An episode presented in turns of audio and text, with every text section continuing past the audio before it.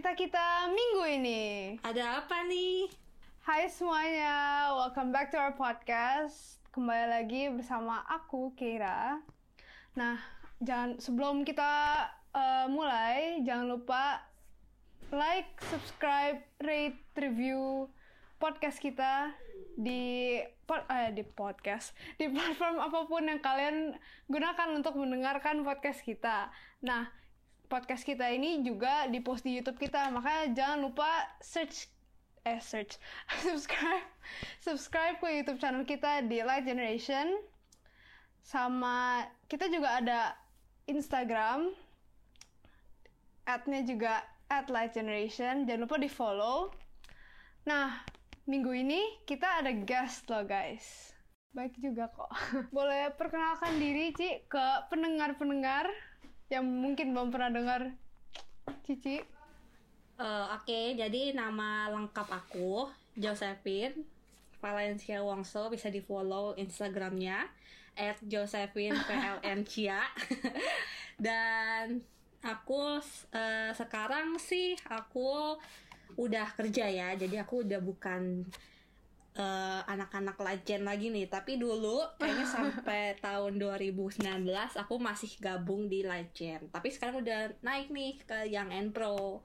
Gitu. Iya dulu juga aku inget banget tuh pas aku baru-baru masuk LG itu kalau pas komsel tuh sama Cici gitu. Selalu rame kan ya kalau ada aku? Oh tentu. MC ter MC terama ya. Terkondang Terseru juga iya. Nah buat yang nggak tahu nih Ci Jose ini sebenarnya ya guys tuh alumni dari sekolahku. Iya betul. Bener gak nih Ci? Iya, kita sama-sama dari sekolah Kairos Gracia. Dan fun fact nih, uh, aku sekarang ngajar di sekolah itu juga. Wis. Sempet ngajar adik aku juga ya? Iya tahun lalu. Kelas 4 eh kelas 3 dia waktu itu kelas 3 Jaydan. Iya. Iya. Nah ngomong-ngomong gimana nih Cici minggu-minggu ini? Aku minggu-minggu ini lagi um, sebenarnya dibilang sibuk juga enggak. Soalnya aku kemarin sama dua hari yang lalu itu aku dapat jatah libur dari sekolah, yeay. Jadi enak lagi santai. Pada ya aku yang di kalau Jose ini ngajarnya SD ya guys. Kalau aku ini SMA ya guys, jadi beda. Iya, uh, beda level, Cuman beda gedung juga. Dulu jadi kita pas lagi offline, kok. Kalau lagi ada teachers meeting ya, ketemunya ya. Iya, karena kan guru-gurunya ke gedung SMP SMA gitu. Oh iya, Cici dulu batch berapa ya? Angkatan ke berapa? Aku, aduh, aduh, kalau diinget kayak tua banget deh rasanya. Kamu, kamu angkatan ke berapa dulu? Aku tanya. Aku angkatan ke 10, aku batch 10. Astaga, aku 10 kurang 7. Wah, tiga dong ya. Iya. Gak beda jauh lah. Aku tuh angkatan angkatan kelinci percobaan. Masih baru-baru buka ya soalnya ya. Iya. Sudah lama itu ya. Iya, aku lulusnya itu tahun 2015. Kamu baru 10 tahun. Wah. Wah. Kira-kira ya begitu-begitu juga lah ya apa namanya eh, minggu-minggu uh, ini. Kalau buat aku sendiri sih minggu-minggu ini tuh dibilang sibuk juga enggak. Mungkin karena aku tipe orangnya yang kalau dikasih tugas tuh hari itu langsung dikerjain. Hmm. tapi yang aku bukan bingung bingung sih bukan kayak gimana gitu. Teman-teman aku tuh pada minta extend terus gitu. Mungkin karena mereka ambil IGCSE kali ya tapi aku nggak. Mungkin karena itu. Tapi selalu sebelum misalnya submission date-nya hari Senin aku hari Jumat terus selesai gitu. Wow keren keren keren. Ya gitulah ya. Nah kita langsung masuk aja topik minggu ini. Mau dikasih judul juga bingung ya guys topiknya awalnya kita sih mau ngomongin tentang K-pop nih. Cuman kita tahu nggak semua dari kalian tuh dengerin atau kayak interested. Jadi kita bikin topiknya lebih broad lagi gitu ya, lebih luas gitu. Jadi kita bakal ngomongin kira-kira kayak misalnya double standards, terus kayak self esteem, terus kayak judgment gitu ya guys. Nah, ngomong-ngomong K-pop, Cici kira-kira masuk apa terjun ke dunia K-pop kapan nih dan gimana? Aku suka K-pop itu tahun sebenarnya kalau suka itu tahun 2015, cuman kayak nge-hype bangetnya itu 2016. Jadi kalau pas tahun 2015 itu aku sukanya sama lagu-lagunya Big Bang. Woi, Dan waktu itu Big Bang itu ada konser di sini. Aku mau nonton, gak boleh sama papi. Karena gak boleh itu, ya udah jadinya aku stop stop hyping Kore- eh, Korean pop dan akhirnya 2016 kan karena adikku duluan yang suka K-pop eh, dan aku tuh nemu lagunya God7 yang easy listening banget, yang Just Right. Oh itu kayak, banget. "Ah." Ya langsung suka sama lagunya dan tepat banget itu beberapa bulan setelah aku suka lagu itu mereka ke sini dan aku nontonin.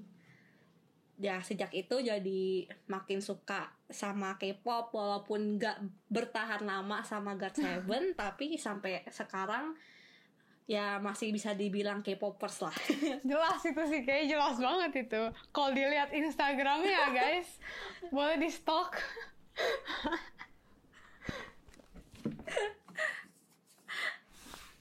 Kalau aku sih kayak kira-kira juga sama ya. Mungkin kalau misalnya dengerin K-pop tuh mungkin udah dari SD ya. Apalagi karena teman-teman aku juga dengerin duluan gitu, jadi terinfluence. Dan aku tuh orangnya yang suka dance ya guys, buat yang nggak tahu. Jadi dulu pas SD aku inget banget itu aku sama teman-teman aku tuh lagi latihan buat eh, Christmas production di sekolah. Kayak kan sebelum kita masuk Christmas production itu ada audisinya dulu sama guru-gurunya gitu. Nah, kita tuh lagi latihan.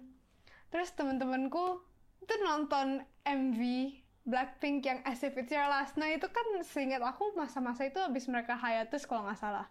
Nah sejak itu tuh kayak udah pernah kayak denger-denger gitu lah. Kayak dikit-dikit Twice terus Blackpink. Terus sebenarnya dulu juga aku Blackpink keluar kamu masih SD ya ampun. 2016 mereka debut Oh iya benar juga kamu masih 11 tahun ya. wah wah Soalnya Black Black Blackpink Blackpink keluar aku udah kuliah. Wah, udah lama juga ya. Terus ya sejak itu, oh dulu aku inget banget. Dulu tuh aku suka main ke kayak arcade arcade gitu kan, kayak time zone gitu-gitu. Terus ada yang kayak game yang apa sih, injek-injek itu yang pump, pump it up ya kalau nggak salah. DDR Dance Dance Revolution. Ada yang satu lagi deh kalau nggak salah. Nah, aku main itu, terus aku tuh nggak bisa, aku tuh nggak bukan yang pro ya. Kalau yang pro tuh mainnya yang lagu-lagu klasik itu yang yang sampai muter-muter gitu. Kalau aku kan nggak. Nah, aku mainnya itu yang lagunya Big Bang juga yang Fantastic Baby itu aku ikut banget. Nah, jadi ya kira-kira dari dulu tuh udah kayak denger lagunya, cuman belum kayak terjun gitu. Nah, mulai terjun itu sekitar tahun 2017-2018. Nah, kurang lebih sama nih kayak Cici nih. Setahun, eh nggak kalau misalnya nggak setahun juga sih. Pokoknya tahun 2019-nya itu pas banget Blackpink datang. Blackpink mau datang. Nah, makin makin tergila-gila juga gitu. Nah, ngomong-ngomongin Blackpink dan GOT7 dan lain-lain, mereka tuh di pandangan apa ya? Eh, pandangan dunia gitu. Ah, kok aneh banget jadinya. apa sih?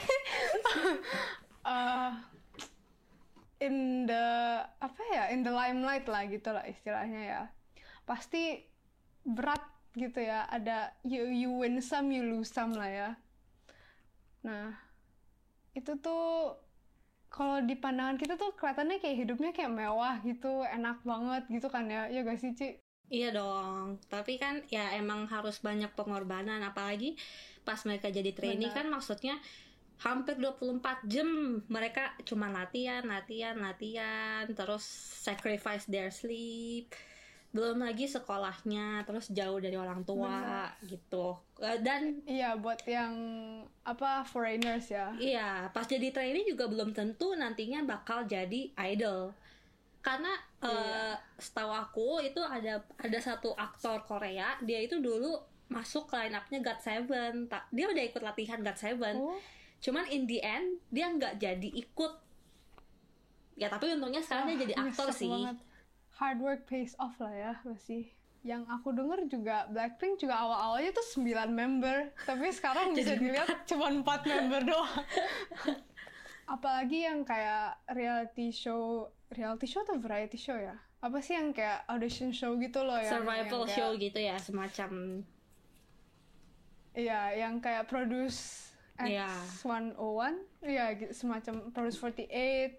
Terus yang kayak sekarang lagi yang hype eh yang lagi happening banget tuh apa Kingdom. oh. Tapi Yang Kingdom kayak itu gitu-gitu itu juga Kingdom kan lebih ke tapi Kingdom ya? juga sebenarnya itu juga grupnya udah debut sih ya Iya, kalau yang, yang lebih kayak nyesek yang lebih nyesek lagi tuh yang kayak masih trainee gitu. Iya. Ya gak sih? produce sih ya masih trainee gitu. Tapi kalau misalnya trainee udah masuk produce itu menurut aku tuh walaupun misalnya mereka nggak apa namanya mereka nggak debut di grup itu mereka juga masih ada chance buat kayak apa be famous lah gitu loh. Karena kan mereka juga udah udah ada on TV gitu. Kayak misalnya uh, BM card from card dia kan pernah seingat aku dia pernah ikut kayak audition show gitu juga tapi dia nggak apa dia nggak menang. Tapi sekarang dia juga jadi apa lumayan populer lah ya. Nah itu tuh kalau ngomong-ngomongin begini tuh yang masuk dalam pikiran aku tuh kayak pressure-nya terus kayak mereka apalagi kalau yang di vote vote gitu kan Iya. itu kan kayak harus dipandang netizen yang banyak harus win the hearts of many people gimana sih rasanya ya? Kayak kasihan Kalau- banget gitu loh. Survival show itu kan mereka udah apa dari pihak apa kayak pihak penyiarnya. Kayak misalnya pro- produce nih, produce kan disiarkan oleh Mnet. Mnetnya kayak cuman menyorot beberapa peserta doang kan, nggak mungkin dong 100 100-nya disorot sama dia gitu loh. Nah, kalau yang misalnya punya talent bagus tapi Mnet nggak mau sorot, pasti kan eh, orangnya pesertanya itu juga bakal mikir kayak am I not good enough gitu loh. iya Kasihan sebenarnya. kasihan banget sih Karena eh, kalau misalnya pasti pilihnya yang ganteng-ganteng gitu kan. Oh ya, disclaimer juga guys, kita bukannya criticizing atau gimana ya, ini cuman opinion kita doang ya Iya. guys. Maksudnya pasti pilihnya yang punya eh, daya jual gitu loh. iya. Nah, buat yang kayak dalam tanda kutip didn't make it itu juga kayak pressure-nya, apalagi mereka bisa dimarahin sama company-nya. Itu tuh gimana ya? Nah, kalau misalnya kita bisa relate ke RDD life juga pernah gak sih Ci ngerasain kayak insecure terus kayak not good enough gitu-gitu? Insecure ya pastilah. Bahkan eh, be- eh, sekarang-sekarang ini juga masih sering ngerasain insecure. Apalagi kalau lagi scroll Instagram. Wah, itu aku bisa relate banget sih. Instagram adalah pus- Apalagi eh, kayak- pusat insecurities. Bener sih, bukan cuman kita ya guys, ini eh, banyak kesaksian dari temen-temenku juga ya guys. Mungkin bukan cuma Instagram ya, bukan cuma Insta kayak YouTube juga bisa, kayak social media lah ya. Tapi kayak kalau yang kita ini bukan gimana ya bukannya underestimating gitu ya. Tapi kita ini sebenarnya juga belum yang in the face of a lot of viewers. Nah gimana kalau yang kayak udah terkenal gitu ya apalagi di comments commentsnya wah itu oh bisa parah banget itu Iya, karena kalau udah terkenal kan nggak mungkin semua orang suka sama kita gitu loh.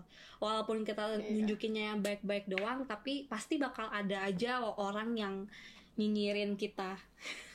semakin apa semakin famous ya semakin banyak yang nggak suka juga gitu ya gak sih Iya, kan makanya ada pepatah yang bilang semakin tinggi pohon, semakin kencang angin. wis Gitu. bijak sekali ya jadi makin famous, makin banyak haters gitu. nah bisa juga mungkin kalau dipandang di sisi lain semakin mungkin bisa juga semakin banyak haters mungkin itu tanda-tanda semakin banyak yang suka juga kali ya apa semakin gimana ya popular gitu Ya, semakin well known, Bisa semakin banyak endorsement yang datang. Iya bener Tapi kita juga bisa ngomongin kayak bukan cuman dalam konteks ini kayak netizen. Cuman kalau misal kita apa sih menyelam lebih dalam lagi, ada juga yang namanya double standards guys. Buat yang nggak tahu ya, definisi double standard coba kita lihat di Google. Karena ini ternyata nggak banyak yang tahu tentang dou- double standards ini. Nah, based on Wikipedia, a double standard is the application of different sets of principles for situations that are in principle the same. A double a double arises a double standard arises when two or more people, groups, organizations, circumstances, or events are treated dif- differently even though they should be treated the same way.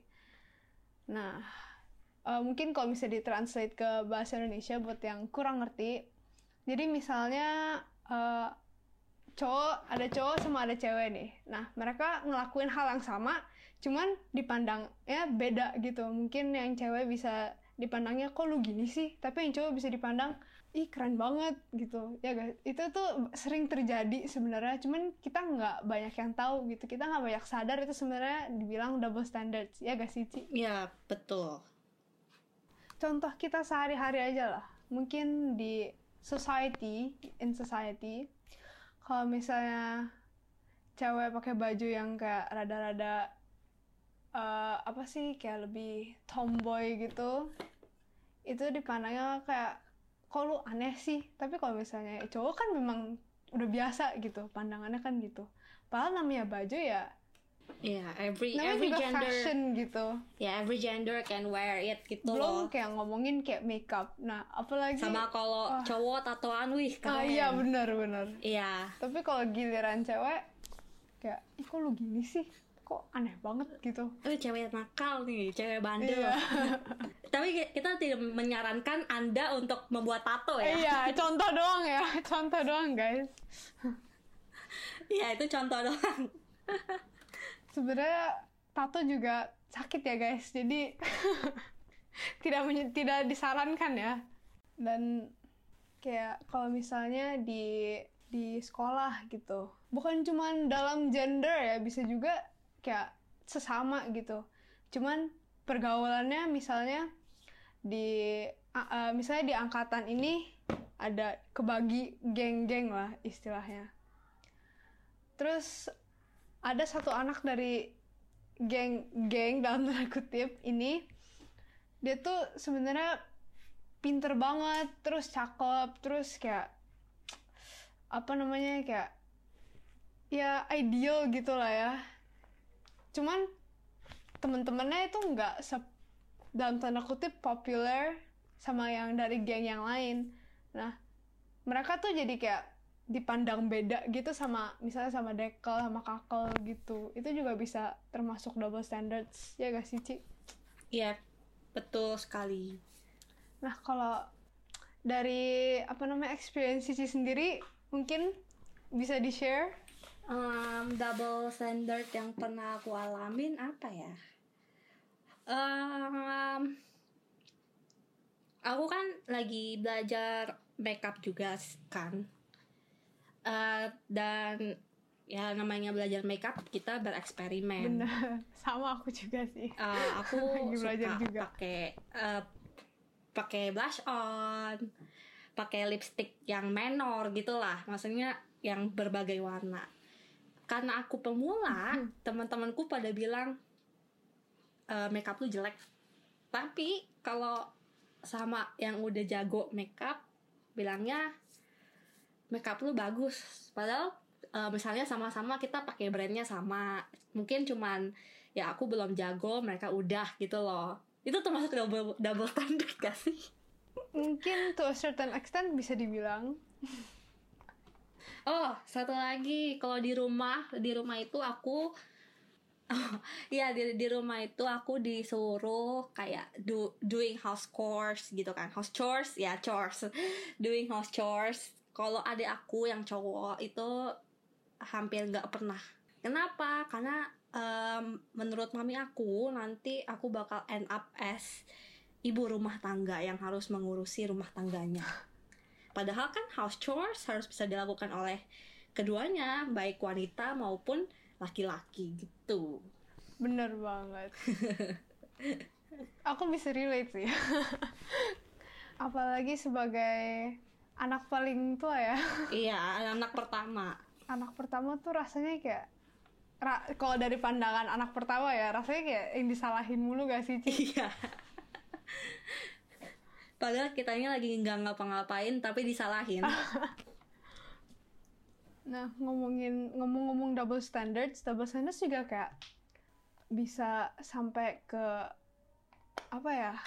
effect ke self esteem terus jadi kayak Cici pernah dengar gak sih kasus Sunmi yang dia di oh bukan cuma dia eh, Ayu juga dia pernah kayak dikritisize dikritisize gitu karena apa sih dibilangnya terlalu apa dalam tanda kutip gendut gitu.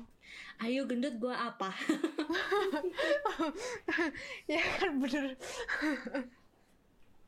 Makanya apa K K-pop uh, body standards kayak ideal body menurut mereka itu sangat-sangat ridiculous. Padahal itu ya- kayak orang tuh harus jadi tulang banget Iya. baru dibilang wih badannya bagus. Padahal itu tuh setiap orang kan punya kayak different apa sih bone structure kan. Jadi kayak misalnya nggak semua orang bisa punya thigh gap karena bone structure-nya beda-beda. Misalnya itu pertama. Ya yang yang kita not in our control gitu lah. Tapi malah di criticize gitu. Ya makanya kan karena apa setahu aku sih yang pernah dikritisize uh, body shape-nya itu uh, Kyla X Pristin ya sama Nancy Momoland Ah. yang menyebabkan Kyla X, Pri- uh, X Pristin ini keluar dari grupnya Kalau yang setahu aku ya itu sih Ayu sih yang paling kasihan sampai dia diagnosed with bulimia itu. Buat yang nggak tahu bu- bulimia, aduh susah banget yang namanya. Itu tuh eating disorder yang eh, apa namanya yang Iya yang kayak gini apa yang masukin tangan eh Gimana iya sih bukan sih itu, itu anoreksia ya itu anoreksia deh kayak. padahal Ayu dari mana gendutnya Iya dong dari dari dari debut itu sebenarnya dia tuh udah termasuk kurus tau. Aduh pusing banget deh sama netizen. Terus pernah juga kasus dou- double standards tuh yang kayak misalnya eh Jeno Lee lah, Jeno dia pas lagi konser apa eh, buka apa reveal abs-nya kan. Nah, tapi pas ada eh, si Hyuna dia lagi konser. Aduh, maaf ya guys kalau pronunciation aku parah banget. dia lagi konser di LA kalau nggak salah. Dia juga sempet kayak dia masih pakai daleman lah. Cuman dia buka kayak outer outer apa namanya? outer clothes-nya gitu. Tapi langsung dibilang kata-kata yang kita tidak akan ngomong di sini sensor yang harus disensor dan itu tuh kasihan banget sih itu kayak kalau misalnya cowok ngelakuin ini tapi kalau giliran cewek langsung dikritisize kayak apa tahu tapi ini juga bukan cuman cowok apa cowok dipandang cool cewek enggak. Cuman bisa juga cewek ngelakuin ini cowok dipandangnya kayak aneh gitu. Kayak misalnya contohnya makeup gitu kan. Orang tuh sebenarnya Hmm. kayak suka criticize K-pop idols tuh buat pakai makeup gitu. Padahal sebenarnya in the kayak western pop culture juga kalau misal mungkin yang nggak sesering bukan nggak sesering nggak se apa ya tebel. kelihatan banget gitu nggak setebel. Gak se-visible K-pop. Ah, iya. Tapi buat kalian yang nggak tahu ya mereka tuh juga pakai apalagi kalau music video shoots terus konser itu tuh sebenarnya mereka pakai guys. Iya. Aku tuh paling sebel kalau ada yang bilang kalau idol-idol Korea terutama yang cowok itu plastik. Karena bilang ah Hmm. dia mah ganteng karena operasi plastik.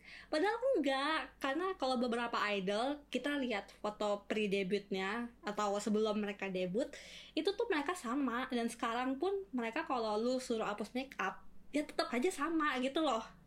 bener apalagi kalau misalnya kayak mungkin ya kelihatannya glow up gitu ya mungkin kelihatannya beda cuman sebenarnya face shape-nya tuh face bonus structure di muka itu sebenarnya masih sama tapi dibilangnya operasi plastik. Itu tuh kayak hmm gimana ya? Tapi memang ya ada yang dari kecil udah cakepnya kayak apa tahu Betul betul. ya tapi kita di sini bukan untuk membandingkan tapi kita kita cuman mengekspres opini kita ya guys. Jadi jangan kita juga nggak boleh bandingin diri kita sendiri sama mereka mereka itu yang di atas. Di atas. Di sana ke di atas maksudnya. Di di ya di area situ lah ya. Oke deh. Nah si, si- mungkin untuk sekarang segitu dulu kali ya. Lesson learn apa nih Ci kira-kira? Dari dari episode kali ini. Eh, mungkin untuk ya itu tadi kan eh, hari ini kan juga banyak ngomongin double standard. Jadi ya coba untuk melihat dari kacamata yang lain gitu loh. Kalau misalnya kita lihat ada cowok make up jangan langsung ngejudge oh dia banci gitu lah. Sorry eh, jangan langsung ngejudge eh, dia banci lah dia plastik atau dia apa. Coba kita lihat oh keren nih cowok mau belajar make up belajar sesu- sesuatu yang baru yang gak dipelajari oleh cowok-cowok lainnya gitu misalnya atau eh, kalau double standard ke cewek em, kalau K-pop idol sih lebih banyak ke kayak kalau cowok, uh cowok buka baju, wah gila ganteng banget, keren banget, absnya kelihatan gitu kan. Cuman kalau cewek pakai pakaian yang minim dikit langsung di judge, dibully habis-habisan gitu.